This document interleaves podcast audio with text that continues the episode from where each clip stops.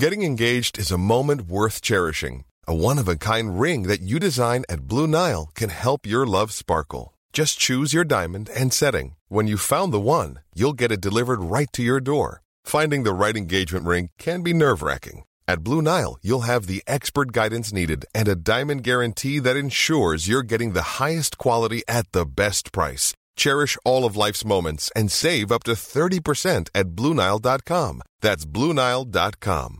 Hey, I'm Ryan Reynolds. Recently, I asked Mint Mobile's legal team if big wireless companies are allowed to raise prices due to inflation. They said yes. And then when I asked if raising prices technically violates those onerous two year contracts, they said, What the f are you talking about, you insane Hollywood ass?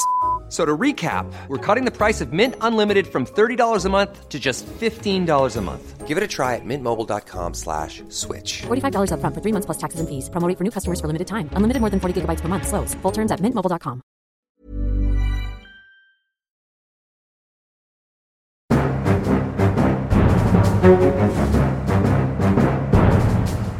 Sånn, er du klar? Ok, bra. Da setter vi i gang med en ny episode Aftenpodden USA. Kommentator Kristina Pletten, du er på plass i Oslo som vanlig. Og du har jo hatt denne bokskrivepausen som gjør at du har vært litt sånn rundt omkring i Norge uh, en, en stund. og ikke vært så mye i Aftenpostens spalter, men nå er du altså tilbake på jobb eh, de siste, altså nå disse månedene før mellomvalget. Bokpermisjonen er over, nå blir det masse kommentarer. Det er veldig kjekt egentlig å være tilbake på jobb og eh, ha litt kortere tekster å skrive. Og det blir så spennende nå fremover de neste ukene og månedene, så jeg gleder meg og syns det er helt topp å være tilbake i Aftenposten. Ja, og Jeg kan bare si på vegne av leserne da, av kommentarene dine Jeg er jo en leser av kommentarene dine at det, vi gleder oss Ja. jo til å ha deg Ja, tilbake. bra. Eh, og og høre, høre, analysene, høre analysene. Ikke bare her på poden, da, eh, selvfølgelig, men også, også i papirformat. Jeg er jo da eh, USA-korrespondent Øystein Langberg mm. på Manhattan. Og vi har jo snakket litt om de siste ukene om poden vår og hvordan vi skal liksom, rigge den fremover. Eh, denne uken så er denne episoden åpen for alle, også folk som ikke abonnerer på Aftenposten. Men annenhver uke så vil den jo da kun være tilgjengelig for eh, abonnenter på Podme og Aftenposten. Eh, og det var jo sånn at i forrige uke så lagde vi den første eksklusive episoden for abonnenter, hvor vi snakket om, eh, om utdanning egentlig i USA. Denne svære pengegaven Biden gir til studentene. 100 000 kroner som slettes fra studielånene til alle studentene. Og hvor dyrt det amerikanske skolesystemet er, snakket vi om. Og disse snuskete for profit-skolene som har drevet regelrett svindel av masse studenter. Og så er det sånn, vi lever jo i en digital tid hvor vi får inn tall. Vi kan se hvor mange som leser sakene våre, vi kan se hvor lenge sakene våre blir lest, hvor leserne hopper av. Og vi kan også se hvor mange som hører på podene. Det er veldig hyggelig at så mange fortsetter å lytte på oss også når vi ikke ligger åpent ute, men kun er tilgjengelig for abonnenter. Det betyr jo at mange som hører på oss, er abonnenter, og at helt sikkert en del har tegna Ja Det er bare Ja, veldig Kjempegledelig. kult. Så fortsett med det. Nesten litt Det overraskende hvor, hvor, go- hvor gode ja, ja, det blir vi veldig, veldig Ja. glad av. Du, i dag skal vi snakke om, om to gamle menn. Gubber. Nei, vi kan ikke, vi kan ikke kalle det gubber, da. Jo da, men, to gamle jo da, menn. jo da, jo da, vi Eh, kan jo kalle da, det ok, gubber. jo da, jo da. Joe Biden og Donald Trump er på offensiven igjen. De er tilbake i rampelyset, selv om mellomvalget om to måneder jo egentlig ikke handler om dem i det hele Mm. tatt. Mm. og det er litt interessant å se, så vi skal snakke om Biden som stiger på målingene, eh, hans eh, angrep på høyresiden, eh, dette nye favorittordet hans, MAGA Republicans, og om Donald Trump som ser ut til å feste grep om nominasjonen i sitt parti. Og vi må også snakke litt om hvordan Trump eventuelt skal stanses, for det ser ikke ut til at hans egne velgere kommer til å gjøre det, men kanskje han vil bli stanset i rettssystemet. Og hvor sannsynlig det er at Trump altså vil bli stilt for retten, og hvor klokt det er å stille Trump for retten selv om han kanskje har en sak og noe å ta ham på. Det er en stor debatt om i USA nå. Eh, For det er ikke sikkert at det å pælme Trump i fengsel f.eks. vil løse måte, demokratenes problem. Eh, Det skal vi også snakke litt om, muligheten for å drive valgkamp fra fengsel, rett og slett. Men først, vi får bare ta, før vi går i gang med alt dette, siden sist-spalten vår, eh, Kristina. jeg kan bare ta først. eh, jeg vet at du har et morsommere punkt enn meg.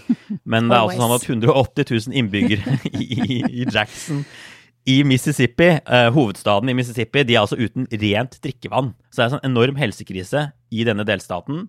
Eh, Det er et renseanlegg nå som har blitt satt ut av spill etter en flom, men dette har vært et problem i årevis. Innbyggerne har blitt jevnlig blitt bedt om å koke vannet fordi det kan være bakterier og andre typer ting i det. Veldig sånn følelse av tredje verden.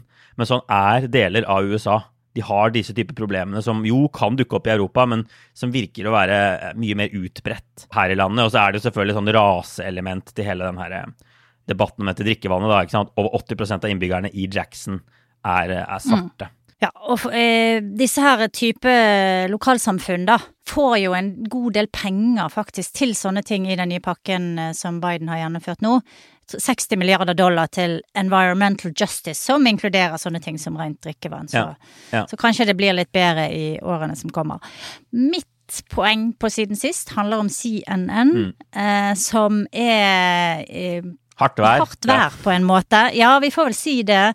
Sist fredag kunngjorde deres eh, Washington-korrespondent John Harvard at han slutta på dagen. Han har vært en ganske viktig profil for kanalen, mm. og det var ganske tydelig at han gjorde det fordi CNN nå er i ferd med å få en ny profil som skal være mindre politisk, mer objektiv nøytral. De mm. skal prøve å ta et slags rom i midten mellom Fox News på høyresiden og eh, MSNBC på venstresiden. Mm. Eh, og så sliter jo de med å seertall, og de sliter med økonomi og eh, annonser og sånne ting. Så det er nå en stor debatt, tror jeg, både internt i CNN og i media generelt om hva denne kanalen skal være. Har den en fremtid?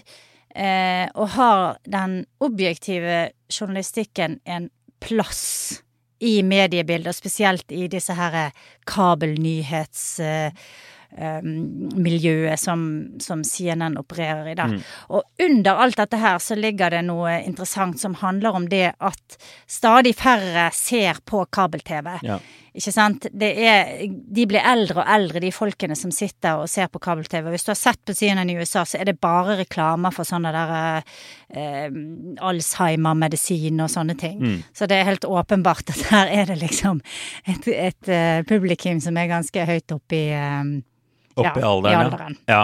Og, ja. og, det har vært veldig interessant å se bare på Twitter den siste uka. CNN har flere ganger endt i sånne voldsomme kontroverser med, med folk på venstresiden i USA som sier vi skal boikotte CNN. Og det er, det er ganske mye ja. sånn uh, altså profiler på CNN som, som, har sagt et eller annet, eller forsøkt å balansere ut noe Biden har sagt, uh, eller noe en annen demokrat har sagt, har fått masse, masse kjeft. Så det, så det er tydelig at de Ja, nå ser folk liksom denne reorienteringen fra CNN overalt. De ser den sikkert også steder hvor CNN opererer akkurat som før, men det er veldig mye oppmerksomhet rundt hva CNN gjør i disse dager, og hvordan de prøver å finne den mellomposisjonen da, og bevege seg litt vekk fra å være sånn tydelig på venstresiden. De har også eh, gitt sparken til eh, en annen profil, og det virker som flere profiler er på vei mm. ut, og det er liksom store endringer på gang. Og også en del usikkerhet i organisasjonen, virker det som.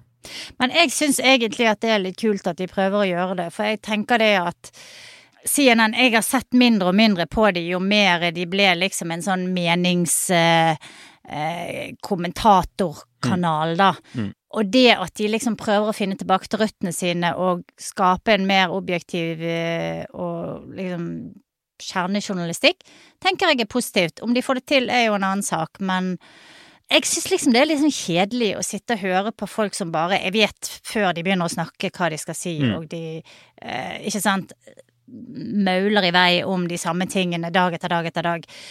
Og jeg tror jeg har sagt det her på poden mange ganger, at jeg syns at CNN International er så utrolig mye bedre enn den eh, varianten du får i USA, da. Så ja. ja. Så eh, jeg krysser fingrene for at dette her, eh, denne kursendringen skal gå bra. Bra. Bra. Da setter vi i gang med, med hovedtemaet i dag, da. Biden og, og, og Trump.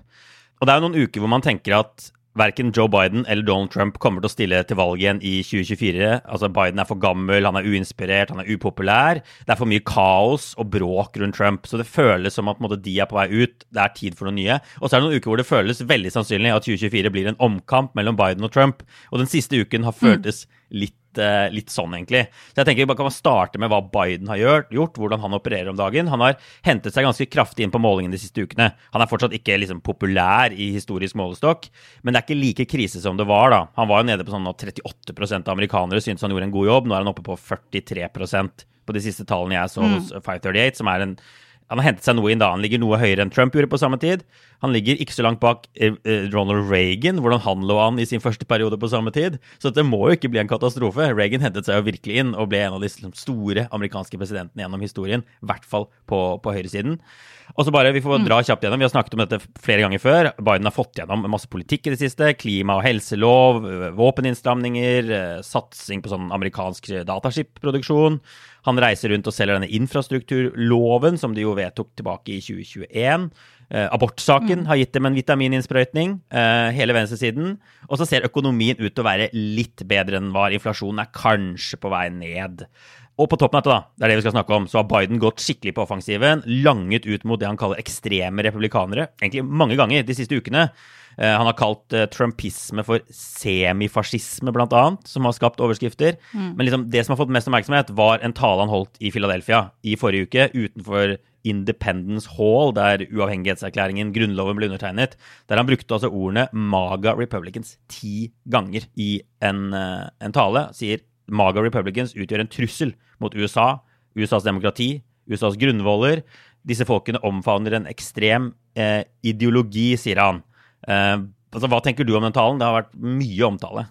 Jeg tenker sånn, hvis jeg skal se kynisk politisk på det, så var det en ganske god tale. Den var veldig godt skrudd sammen. Den var tydelig. Den var for meg en veldig sånn åpenbar valgkamptale mm. som angrep motparten og trakk veldig store linjer, og også la frem et slags uh, Hva skal jeg si, sånn, sånn, den redet grunnen, da. Mm for eh, eh, Bidens eh, et Biden-kandidatur frem mot 2024. Mm. Så sånn Ja, hvis jeg skulle se det fra, fra en Biden-tilhengers side, så tenker jeg at man kan være fornøyd med dette her. Det var, det var en offensiv, aggressiv, selvsikker president ja. vi så fra scenen i Philadelphia. Ja, Veldig, han var veldig, veldig offensiv og, og, og, veldig tydelig. Og ikke ropte, men snakket veldig sånn full av energi, da. Biden kan jo ofte fremstå som ganske spak når han holder disse talene sine. Han var langt fra spak mm. her. Um, men Biden sa jo, han gikk jo til valg på å skulle samle landet. ikke sant? Det var ikke en tale som gikk ut på å samle landet helt.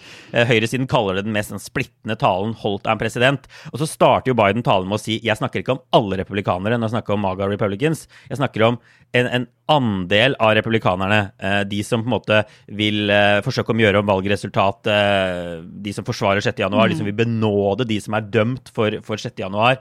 Men det drukner litt i, i sausen, og de som da skyver skyver tilbake mot Biden, sier ikke sant, splittende tale. Han fremstår som autoritær. Det var noe med, noe med The Optics her også. De hadde liksom farget eh, veggen på Independence Hall helt sånn rød eh, bak, som var litt sånn, mm. sånn pussige farger der. Eh, så, så, noen mener liksom det ser ut som Biden står nærmest utenfor The Gates of Hell og holder denne talen.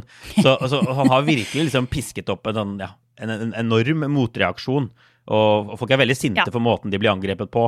Og så er det noen som da sier at dette er ja, på hellig grunn, da han står utenfor et nasjonalt monument og holder en så politisk tale som dette her. Og så sto det vel også et par soldater i bakgrunnen ja. som folk også har hengt, hengt seg opp i, da. Mm. Og han er jo Han går ganske langt i å karakterisere de han liksom stempler som maga republicans. Han skriver at de vil ta landet bakover i tid. De vil fjerne retten til å velge. De vil eh, fjerne retten til eh, homofilt ekteskap, mm. til prevensjon. Så han tar på en måte eh, bladet fra munnen og er veldig, veldig tydelig på hva han tenker om MAGA Republicans. Og dette må jo være en kalkulert risiko fra Biden og hans folks side. Mm. Eh, det må jo bety at de tenker at det er mulig å slå en kile mellom de som er liksom sånn die hard trumpister, mm. og resten av velgerne som, som, har støttet Trump, eller liksom driver og vingler litt i midten, da. Eh, det er vel det denne talen sånn veldig tydelig gir uttrykk for. Ja. Og vi har nå også brukt MAGA Republicans eh, mange ganger. Altså, MAGA står altså for Make America Great Again. Vi får bare, Ja. vi får bare si det, Ja. men, men det har blitt vanlig Ja. å kalle disse folka for bare for MAGA. Og det er, betyr liksom Mm. ekstreme fanboys av Donald Trump. Det er det det egentlig betyr. Og det har vært gøy, det har vært skrevet flere saker om hvor dette MAGA Republicans-ordet kommer fra. Det har dukket opp Jeg tror det dukket opp først tilbake i ju, mai-juni, men det viser seg altså at det er amerika, altså demokratiske meningsmålingsbyråer og rådgivere som har testet masse sånne måter å angripe republikanerne på ute i velgermassen. Og de har f.eks. ikke valgt å kalle de Trump Republicans, for det er et ord som vekker mer positive reaksjoner hos velgerne. Men MAGA Republicans er visst et ord som, som for, har en ganske sånn Folk skjønner hva man snakker om. Og folk har veldig negative assosiasjoner til det begrepet. da. Så det er derfor de har, de har brukt dette. Så dette er som du sier, ganske sånn kalkulert, eh, det de gjør her. Og den der fighten de nå får eh, i, i mediene, som måte, suger til seg all oppmerksomhet, det er nok noe de visste kom til å komme med så harde angrep. Og noe måte Det hvite hus ønsker seg. eh, tror jeg, den, denne debatten. ikke sant? Istedenfor å snakke om Absolutt. inflasjon eller kaos på grensen til Mexico, så snakker de om hvor ekstreme er republikanerne, hvem er MAGA Republicans, har Biden gått for langt? Men, men det er en debatt om ekstremisme på høyresiden i USA, da, som Det hvite hus klarer å få i gang. Eh, og om Donald Trump. Og det er helt sikkert en debatt de mye heller vil ha enn veldig mange andre debatter. Ja, og med å bruke dette begrepet maga, så fremstiller jo de det også som en, nærmest en identitet, ikke sant, som er, da er eh, noe som mange forbinder med visuelle ting som disse røde hattene og eh, hele den eh, skjorta med amerikanske flagg, alt du har sett da, som fra sånne rallies og fra, fra protester og sånn, og som kanskje ganske mange amerikanere ikke kjenner seg igjen i, og ikke føler at de er en del av. Og det er nok liksom det eh, Biden gambler på her, at, ja. at, at han kan fremstille dette nærmest som en slags kult Ja. og, og si til andre republikanere at du tilhører ikke denne kulten, stem heller på meg. Ja, det er helt klart det de gjør. Og så sier republikanerne Biden angriper halve landet i en ekstremt opprivende tale. Men det er jo ikke sannheten. Eh, CNN gjorde en sånn måling i dag hvor de så litt på hvor mange amerikanere f.eks. som støtter det som skjedde 6. januar, eller i hvert fall forsvarer det som skjedde. Og det er jo ikke så mange, ikke sant? fordi republikanere, de som identifiserer seg som republikanere, er jo ikke halve USA. Vi har snakket om dette før, det er mange som er uavhengige og sånn. Og det er jo ikke alle republikanere, som, som Biden også sier, som, som støtter Trump i tykt og tynt. Så det er ikke en så stor andel av landet som blir angrepet direkte i denne talen. Men det er mulig at uh, måten de forsvarer seg på, så klarer i hvert fall høyresiden til å fremstille det som alle som ikke stemmer på Biden, er MAGA Republicans. Så de, de, altså de, de prøver jo å skyve tilbake på denne måten. Og det har vært en del kritikk mot den talen hans. Du nevnte at han, har, han gjør dette på hellig grunn uh, foran dette nasjonale monumentet. Uh, de sier det er en tale som ikke er politisk, som forsvarer demokratiet i USA, og det er på en måte noe alle presidenter gjør. Men den er jo veldig politisk, denne talen. Eh, det er på en måte ingen tvil om det fremstår som en valgkamptale. Og så er det noen som er sure fordi de blander inn abort og verdispørsmål her. De burde holdt seg kun til demokrati. F.eks. for eksempel Liz Cheney, vi har snakket om henne mange ganger, eh, republikaner fra, fra, fra Wyoming. Ikke sant? Hun er jo absolutt imot selvbestemt abort på mange områder. Hun vil begrense aborttilgangen, men hun er jo ikke en MAGA republican, da. Så, og det var også noe Washington Post var litt kritisk til eh, på lederplass, at Biden blandet i, seg. han burde holdt seg rent til demokrati. Og det siste folk peker på, er jo det vi har snakket om på denne poden også, at demokratene prøver å fremstille eh, kampen for USAs demokrati som en nærmest sånn eksistensiell kamp på liv og død. Men så hjelper de jo selv en masse MAGA Republicans med å vinne primærvalg i USA. De løfter de frem fordi det da er enklere å slå dem i mellomvalget til høsten. De vil ha kandidater som er så ekstreme at demokratene kan slå dem. Så, så, så det er en del folk som sier at Biden burde i hvert fall tatt noen oppgjør for eksempel, med sitt eget parti på det området her. Da, da ville han hatt mer eh, legitimitet. Da ville talen fungert bedre hvis han hadde også gått litt i seg selv og sagt at dette er så viktig at, eh, at de må endre måten vi gjør ting på. Ja, altså eh, det, det, som er, det som jeg har sett fra Bidens team de siste ukene og månedene, er at de har tatt mye mer sånn aggressiv tilnærming til å spre budskapet sitt. Og det florerer jo med sånne der eh, memes og sånn av Biden med sånne lysende røde øyne. Dark sånn Brandon, super- ja. Dark Brandon, ikke sant? Ja. Eh, som man liksom En sånn superhelt som egentlig eh, eh, det, det er jo egentlig litt latterlig, men dette her føyer seg inn i den strategien, tror jeg, Mm. som er vær mer eh, selvsikker, vær mer aggressiv. slå hardt tilbake, og ikke bare tror jeg at det eh, det handler om å slå en kile mellom republikanerne, men det handler òg om å vise demokratene at Biden kan stille til gjenvalg, at han er tøff, at han er sterk nok, at han er oppegående. Eh, det har jo vært målinger i sommer som har vist at mange demokrater, altså et flertall demokrater, mm. ikke ønsker at han skal stille til gjenvalg og sånne ting. Ja. Um, som også går utover ikke sant, hvor godt man mener han gjør jobben sin og sånn. Så jeg tror dette her er en slags sånn stor pakke med en sånn rebranding av Biden, der dette var kanskje det store liksom gallaøyeblikket, da. Ja. Jeg tror du har helt rett, jeg tror du har helt rett i det. Uh, og det er Biden, ikke sant? Tilbake på offensiven. Mm. Og så ser vi Donald Trump, som også virkelig er tilbake i, i manesjen.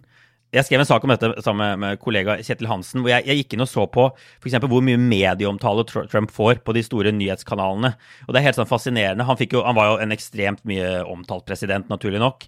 Eh, men så falt omtalen av Trump ganske kraftig, og i mai, i mars i år så var det altså bare sånn Hvis man ser på hvor mange ganger Trump nevnes på Fox News, MSNBC og CNN, de tre store nyhetskanalene, så var det 5500 ganger i mars. Det høres ganske mye ut. Mm. Ekstremt mye mindre enn det var på det meste. Men nå i august så ble han omtalt 42 000 ganger igjen. ikke sant? Trump er virkelig, virkelig tilbake på alles lepper. Eh, det er pga. primærvalgene denne våren her eh, at han har vært liksom innblandet i masse greier der. Har fått mye omtale. 6.1-høringene. Men selvfølgelig også dette FBI-ridet jeg tror Trumps liksom største fare har vært at han skulle bli irrelevant, forsvinne litt, at luften skulle gå litt ut av ballongen. At jo lenger det var siden han var president, jo, mer, jo mindre brydde velgerne seg om Trump. Han var liksom en gammel mann som spilte golf nede på Mar-a-Lago. Eh, men det er jo ikke det som skjer nå, og det er til en viss grad sånn at all PR er god PR for Trump. Selv om det er dette FBI-razziaet. Eh, som, som, skaper det, så, så, er det et eller annet med oppmerksomhet som, som, driver Trump fram. Han samler inn masse penger på det. Han er ekstremt god til å skape disse kilene i det amerikanske samfunnet. Og han får det til igjen. ikke sant? En politietterforskning, ekstremt alvorlige anklager om, om hemmeligstemplede dokumenter og sånn likevel. Så ser vi at Trump går frem i sitt eget parti eh, på målingene, f.eks. nå. Uh, noe sånt som, mm. jeg tror det var Morning Consult som har han frem 5 prosentpoeng. 57% av republikanere sier nå at de vil ha Trump på startstreken i, i, 2024, mens liksom luften har gått litt ut av seilene til Rondo Santis og sånn, i hvert fall nå sånn midlertidig. Som er sånn fascinerende utfall av hele dette FBI-ridet. For det kunne jo gått motsatt, at folk sier sånn Det er så mye kaos rundt denne mannen, vi må ha noe nytt. Uh, han, kan, han, kommer ikke til å vinne i 2024 mot Biden. Men det er ikke sånn republikanske velgere tenker. da. De går i forsvarsmodus og bare slutter opp om Trump igjen. Igjen. Ja ja, det har jo skjedd hver gang. Ja. Men altså, her sitter jo vi òg og snakker om han igjen, ikke sant? Ja. Eh, så det er jo noe med at eh, realityshowet Donald Trump det tar aldri slutt. Og media elsker det, velgerne elsker det, alle syns det er spennende og interessant. Det er vel Vi må vel være eh, ærlige nok til å si at det er en del av pakken også. Mm. Og jeg snakket om CNN i sted. under Trump, ikke sant, så føk jo seertallene til CNN og alle de andre i været også, fordi at han holdt dette realityshowet i gang hver eneste dag. Ja. Han er jo flink som ingen andre til å tiltrekke seg oppmerksomhet og lage drama. Eh, akkurat denne FBI-saken er jo litt sånn høna eller egget. Mm. Eh, hva kom først? Eh, det var jo en sak som egentlig putret og gikk litt sånn på sidelinjen, så ingen var så veldig opptatt av veldig lenge. Nasjonalarkivet ba om disse dokumentene og ja ja, ikke sant, det virket ikke så viktig, og så plutselig så smeller FBI til med en ransakelsesordre, går inn, tømmer skapene og skuffene til Trump, og det blir masse baluba. Mm. Det virker jo som om Trump klarer å lage alle sånne ting til en fordel for seg sjøl. Eh, og, og, som jeg har sagt før, dette passer jo veldig godt inn i det narrativet hans om at det er en heksejakt på han og at det er um, en slags sånn deep state som driver og hele tiden forsøker å trykke han ned og holde han tilbake. Mm. Og det er utrolig smart. Det kan virke litt sånn plumpt og flåsete når Trump legger det frem, men det er utrolig smart og systematisk den måten han alltid snur mm. narrativet som kan være negativt til sin fordel, da. Og så som du sier, så soper han samtidig inn penger og pøser på med sånne tiggerbrev på e-post. Ja. Ja. Ja. Så Trump syns uh, altså, eh, Han ville jo sikkert vært denne etterforskningen foruten, for den er jo ganske alvorlig. Vi må snakke litt om faren for at han blir stilt for, stilt for retten til slutt her. Men, men både Trump og demokratene hilser nok dette velkommen. Og så er det en del på høyresiden i USA som river seg i håret over det som nå skjer. Blant annet han Ben Shapiro, som er en sånn høyreorientert podkaster og kommentator, som brukte en hel uh, podkastepisode på å si at han er frustrert over at partiet ikke nå snakker om inflasjon og grensen og alt dette her, men de løper til Trumps forsvar med en gang noe sånn her skjer, altså republikanerne, og gjør Trump til sak nummer én, til sentrum i den politiske debatten. Og han mener det skader partiet. Det styrker Trump blant republikanske velgere, men det er ikke sikkert det redder republikanerne inn mot velgervalget, og det er ikke sikkert det sikrer sjanser, nei, republikanernes sjanser i 2024, f.eks. For, for det er jo fortsatt sånn at flertallet av amerikanere synes det er bra at FBI etterforsker, etterforsker det som skjer med disse dokumentene. Eh, Det er absolutt ikke sånn at Trump har et støtte i flertallet i folket, men han styrker seg i eget parti og samler inn masse penger i eget parti. Så det er en, en viss frustrasjon her også over det som skjer, og at Trump igjen er i sentrum. For de ser jo at republikanerne faller på målingene. Ja, og jeg skjønner veldig godt uh, Shapiros uh, frustrasjon, for jeg tenker at inflasjon og immigrasjon er de to sakene som kanskje er mestvinnende for republikanerne. Det er virkelig saker som de kan ha alt å vinne på og veldig lite å tape på. Og det er viktig for velgerne. velgerne særlig velgerne på høyresiden eh, prioriterer de to tingene, altså økonomi og innvandring, veldig høyt. Så det at liksom det ikke kan være fremst i eh, de to månedene opp mot valget, fremst i, i bevisstheten, det er klart at det er en stort eh, tilbakeslag for partiet. Så det her, akkurat her er jeg helt enig med Ben Shampiro, selv om jeg stort sett syns han eh, Ja. Jeg skal ikke si Jeg skal ikke si hva jeg egentlig tenker om han, tror jeg.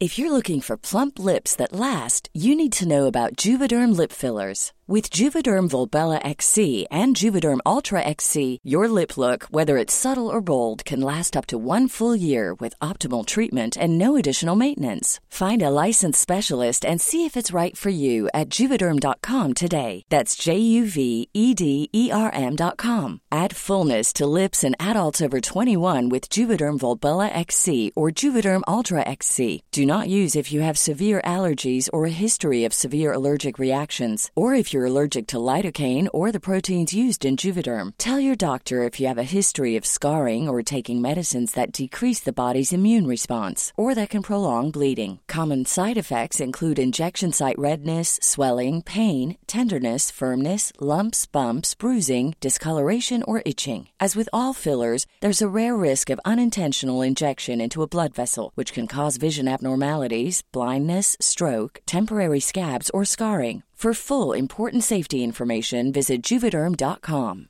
When you're ready to pop the question, the last thing you want to do is second guess the ring.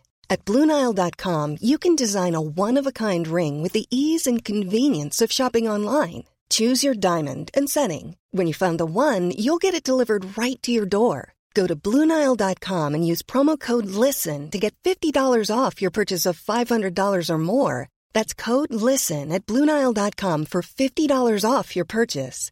Bluenile.com code LISTEN. Så altså, hvis Trump skal stanses nå, da, eh, og at et, et comeback skal hindres, så ser det ut som det må skje et av to steder. Det må enten skje av amerikanske velgere i et presidentvalg, de må velge en demokrat istedenfor Trump, eller så må det kanskje da se- skje i rettssystemet. Eh, enten pga. dette FBI-ridet og disse hemmeligstemplede dokumentene, eller pga. 6.1, eller pga. noen av disse andre tingene eh, eh, som han etterforskes for. Og hvis vi tar f.eks. FBI-ride nå, så er det ingen tvil om at Justisdepartementet i USA de står i en sånn vanskelig vanskelig situasjon. De må ta stilling til om de skal tiltale Trump, stille ham for retten og få ham dømt. Eh, hvis de altså mener at Trump faktisk har brutt en lov her. Og det er, eh, det er ganske mye skriverier nå om, om det er riktig å gjøre det. Og trekke Trump for retten. Eh, og, det, og På én side så er det jo på en måte tungtveiende argumenter for å gjøre det. Det må være likhet for loven. Hvis Trump har brutt en lov, som alle andre, så må han bli straffefullt for det. Ikke sant? Man kan ikke være sånn at presidenter slipper unna. Det kan sette en ekstremt farlig presedens hvis presidenter kan gjøre akkurat som de vil, eh, og slippe å bli stilt for retten for det. Trump kan komme tilbake og føle at han har carte blanche på å gjøre hva han vil også, hvis han da vinner i 2024. Så det er på en måte de virkelig tunge argumentene for at her må de gå etter Trump. hvis det er alvorlige nok ting, og hvis de tror de kan få han dømt i systemet. Og så er det masse motargumenter òg, ikke sant? Trump er en tidligere president. Joe Biden er fra motstanderpartiet. Det har aldri skjedd i historien at en president, tidligere president har blitt straffeforfulgt på den måten som Trump nå kan bli. Og i hvert fall ikke av en fra et annet parti. ikke sant? Det kan også sette en farlig presedens, åpne et vepsebol der politiske motstandere alltid liksom begynner å etterforske den forrige administrasjonen og prøver å få de dømt, enten det er bare grunnløse anklager eller ikke. Noen frykter veldig disse tingene det kan sette i gang. Mm. Dette handler jo om prinsipper versus pragmatisme, Mm. egentlig. Ja. Det er det du skisserer, ikke sant. At uh, på den ene siden så har du noen veldig viktige prinsipper. Eksempel at du ikke skal la veldig hemmeligstemplet informasjon ligge og slenge i et klesskap, eller ta det med deg hjem når du har forlatt Det hvite hus. Det er ganske alvorlige ting. Hemmelig og topphemmelig informasjon og informasjon om andre statsledere, eksempel, det er sånne ting som det er veldig strenge regler for hvordan man skal håndtere, og med god grunn. På den annen side så kan man si at det å fortsette å bygge opp om det narrativet som Trump fremstiller, om at det er en heksejakt på han, om at den dype staten forfølger han og prøver å trykke han ned, det gjør egentlig bare situasjonen vondt verre, og det setter det amerikanske demokratiet i fare. Begge tingene setter på en måte det amerikanske demokratiet i fare på hver sin måte. Ja.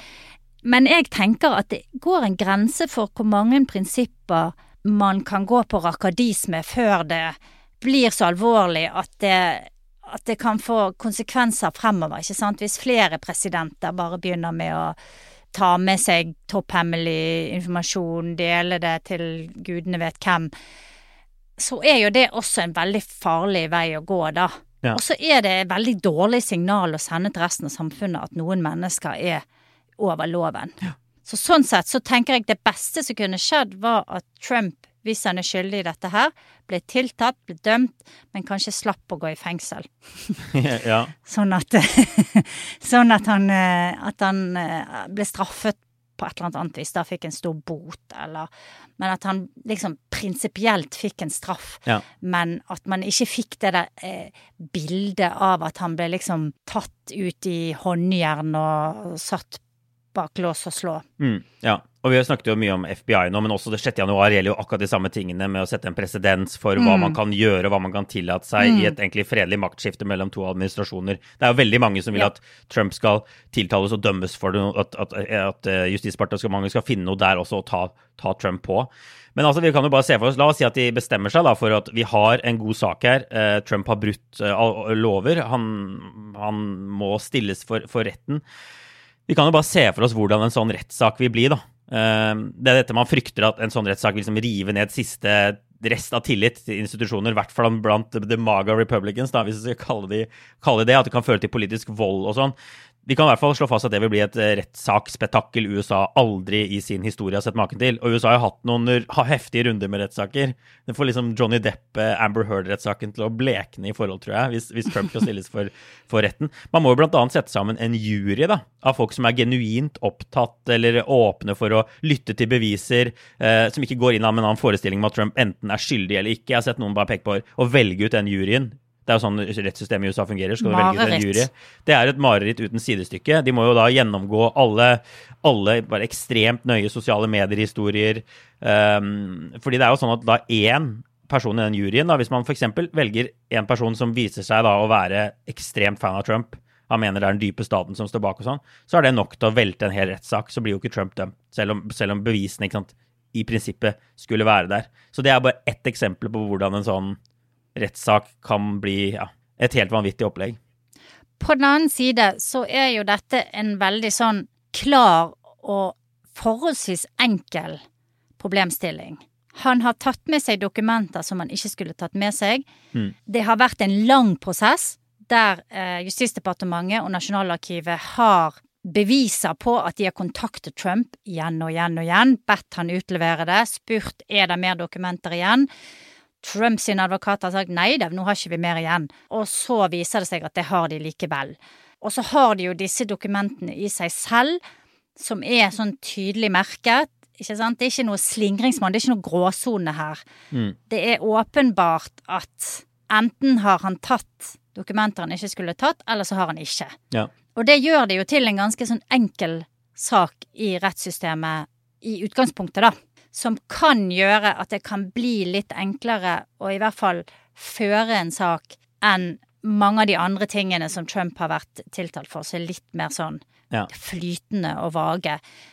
Når det er sagt, så sitter det jo mange Trump-utnevnte dommere etter hvert rundt omkring i rettssystemet, og de siste dagene så er det blant annet en dommer i Florida som har sagt at det må utnevnes en sånn special master. Ja, uavhengig, en slags uavhengig ekspert, Ja. rettsoppnevnt ekspert, som skal ekspert, gå ja. gjennom disse bevisene. Det kan forsinke hele denne, denne etterforskningen av Trump litt. Og dette er jo en, Mm. Ja. ja, på som en Trump-vennlig dommer. en Trump-vennlig dommer som Trump har utnevnt, og som i begrunnelsen sin går ganske langt i å si at dette er en ekstraordinær situasjon, og at presidenter må få særbehandling.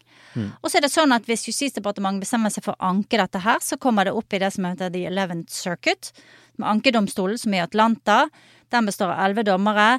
Seks av de er utnevnt av Trump. Ja. Så her ser man også effekten av alle de dommerne og den påvirkningen, enorme påvirkningen Trump har hatt på rettssystemet. Ja. Jeg tror mange er glad de ikke sitter i altså justisminister Merrick Garlands eh, sko, eller står i hans sko, eller er i hans sko. Det er eh, ekstremt vanskelige vurderinger. Eh, som, som du sier, Mm. på en måte, på en side risikerer man å undergrave hele rettssystemet hvis man ikke stiller Trump for retten. Man sier at det er for vanskelig å velge ut en jury, USA er for splittet, trusselen om vold gjør at vi tør ikke. Da er jo på en måte rettsstaten utspilt sin rolle, hvis det er sånn. På, på den annen side så er man liksom redd for hva som vil skje med USA hvis man kjører gjennom denne rettssaken. Og Trump kan jo ende med å bli frikjent. Da kan jo på en måte veien ligge åpen for en ny presidentperiode hvis han etter en lang rettssak eh, ikke blir dømt, men sier Trump har ikke gjort noe galt.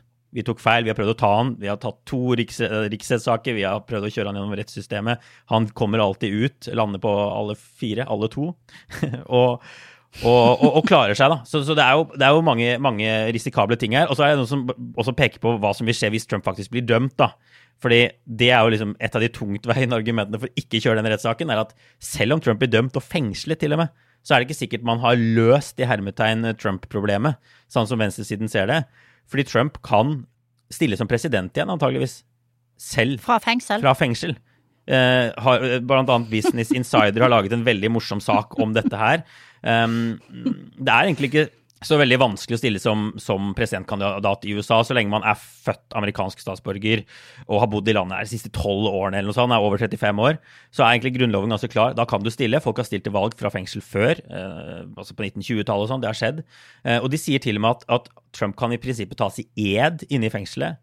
Eh, så, så, så, så, det er ikke sånn at dette er sånn som nødvendigvis eh, løser alt. Og så er det noen lover som inneholder sånne klausuler om at kandidater kan nektes å stille til føderale posisjoner. Eh, blant annet disse lovene som går med på sånne hemmeligstemplede dokumenter. Men det sier eksperter at veldig sannsynlig vil bli slått ned av Høyesterett. Eh, man kan ikke nekte en person å stille til presidentvalg på den måten når det er så tydelig i Grunnloven hva som skal til. Um, så, da må, så da kan man jo se for seg en sånn presidentvalgkamp der hvor Biden farter rundt i landet, Trump sitter i fengsel. Det er jo problematisk å drive valgkamp fra fengsel. ikke sant? Eh, hvordan skal han nå ut til velgerne? Eh, han kan ikke drive med rallies. Noen stater vil sikkert prøve å vedta noen lover som gjør at han må være der fysisk, f.eks. melde seg opp fysisk for å kunne stille til presidentvalg.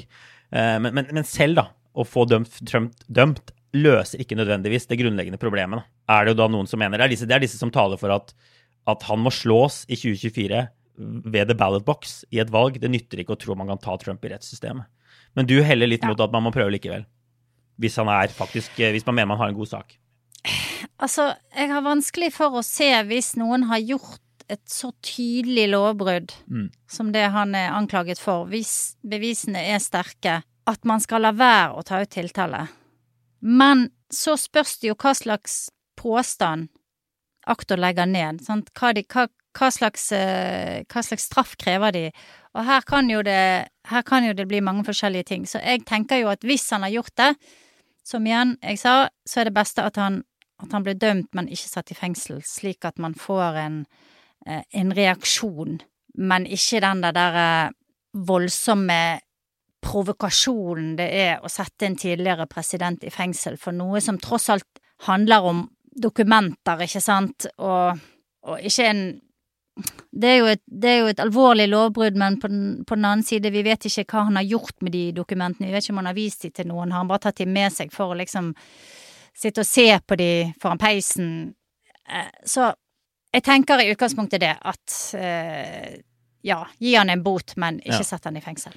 Nei, det vil i hvert fall bli en valgkamp. Mitt råd. I hvert fall bli en valgkamp verden aldri har sett maken til hvis det er eh, Biden og mange 80 mot Trump som er en sånn oransje fangedress i 2024 og skal drive valgkamp fra fengsel. Det, det blir helt sjukt. Men det er, det er en lang vei dit. Det en lang vei dit. Men, men det viser bare vanskelige vurderinger for Justisdepartementet. Men det kan redde CNN, sannsynligvis. Det kan antageligvis redde både CNN og Aftenposten og alle. Poden vår må kanskje lages flere ganger i uka. Jeg tror vi bare setter strek, setter strek der for, eh, for denne gang. Og så tar vi litt obligatorisk refleksjon til slutt. Eh, Kanskje du bare skal starte, Kristina? Ja, jeg har endelig etter mange måneder klart å komme meg på Nasjonalmuseet i Oslo. Ja. Og var der i helgen og syntes at det var en helt unik og fantastisk opplevelse. Jeg har bare lyst til å anbefale alle når de kommer til Oslo om å ta en tur inn der. Det har jo vært en del diskusjon om det, og noen mener at eh, utstillingen var rotete, eller at det var liksom for mye dilldall i enkelte av rommene. Jeg syns det var akkurat nok dilldall. Det det var litt eh, tradisjonelt, det var noe som var litt utradisjonelt, det var mye moderne kunst, det var alle de gamle klassikerne. Mm. Men ikke minst så sånn bygget i seg selv, da, var så utrolig fint. Og jeg har gått forbi der mange ganger når de holdt på å bygge det, og syntes det så helt grusomt ut, for det så bare ut som en stor, grå kloss. Ja. Og jeg tenkte, hva Snakker skal fengsel, dette her apropos bli? Apropos fengsel. Men det har virkelig blitt så utrolig flott at eh, jeg er i hvert fall fornøyd med det jeg har fått igjen for mine skattepenger. Og Ja. eh, ja. Jeg vil bare eh, oppfordre alle til å ta seg en tur hvis du ikke har vært. Nei, jeg har ikke vært der. Jeg har veldig lyst til å dra dit. Jeg, fikk, jeg dro, dro innom Mm. Munch-museet da jeg var hjemme i Norge i sommer, og det var også finere på innsiden enn på utsiden. Altså Fantastisk utsikt utover Oslo der, og fint, veldig fint museum. Det har gøye rom og Så det er også blitt et Det er jo bra bygg, selv om man kan si hva man vil om autovernet på utsiden. Ja, det er sant. Men, men altså, verden må gå fremover, og hvis det er én ting jeg ikke kan fordra, verken hos journalister eller andre, så er det folk som liksom syns alt var så mye bedre før. Ja. Og alt må være sånn som det alltid har vært. Nei. Det er bare tull. Så la museene få prøve seg frem med nye måter å vise frem kunst på, og ha et åpent sinn og ja, Ja. ta deg en tur. Ja. Et slag for modernitet der. Bra, det. Jeg, eh, altså Min OR handler om altså, jeg hus, du, husker vel, eh, og alle husker vel, at Will Smith eh, dro til Chris Rock under Oscar i år. Det føles lenge siden nå, men dette var jo helt, helt vanvittig å se. Jeg så det jo live på TV. Eh, og det som jo druknet oppi alt dette baluba, var jo at Will Smith faktisk vant en Oscar uh, den kvelden uh, for sin rolle i filmen King Richard, som da kom ut sant, i fjor. Det var jo beste mannlige skuespiller han faktisk vant. Og den filmen da, den så jeg i, i forrige uke. Nå har kanskje gått så lang tid at vi kan si at Smith er sånn halvveis rehabilitert, så vi kan begynne å se filmene hans igjen.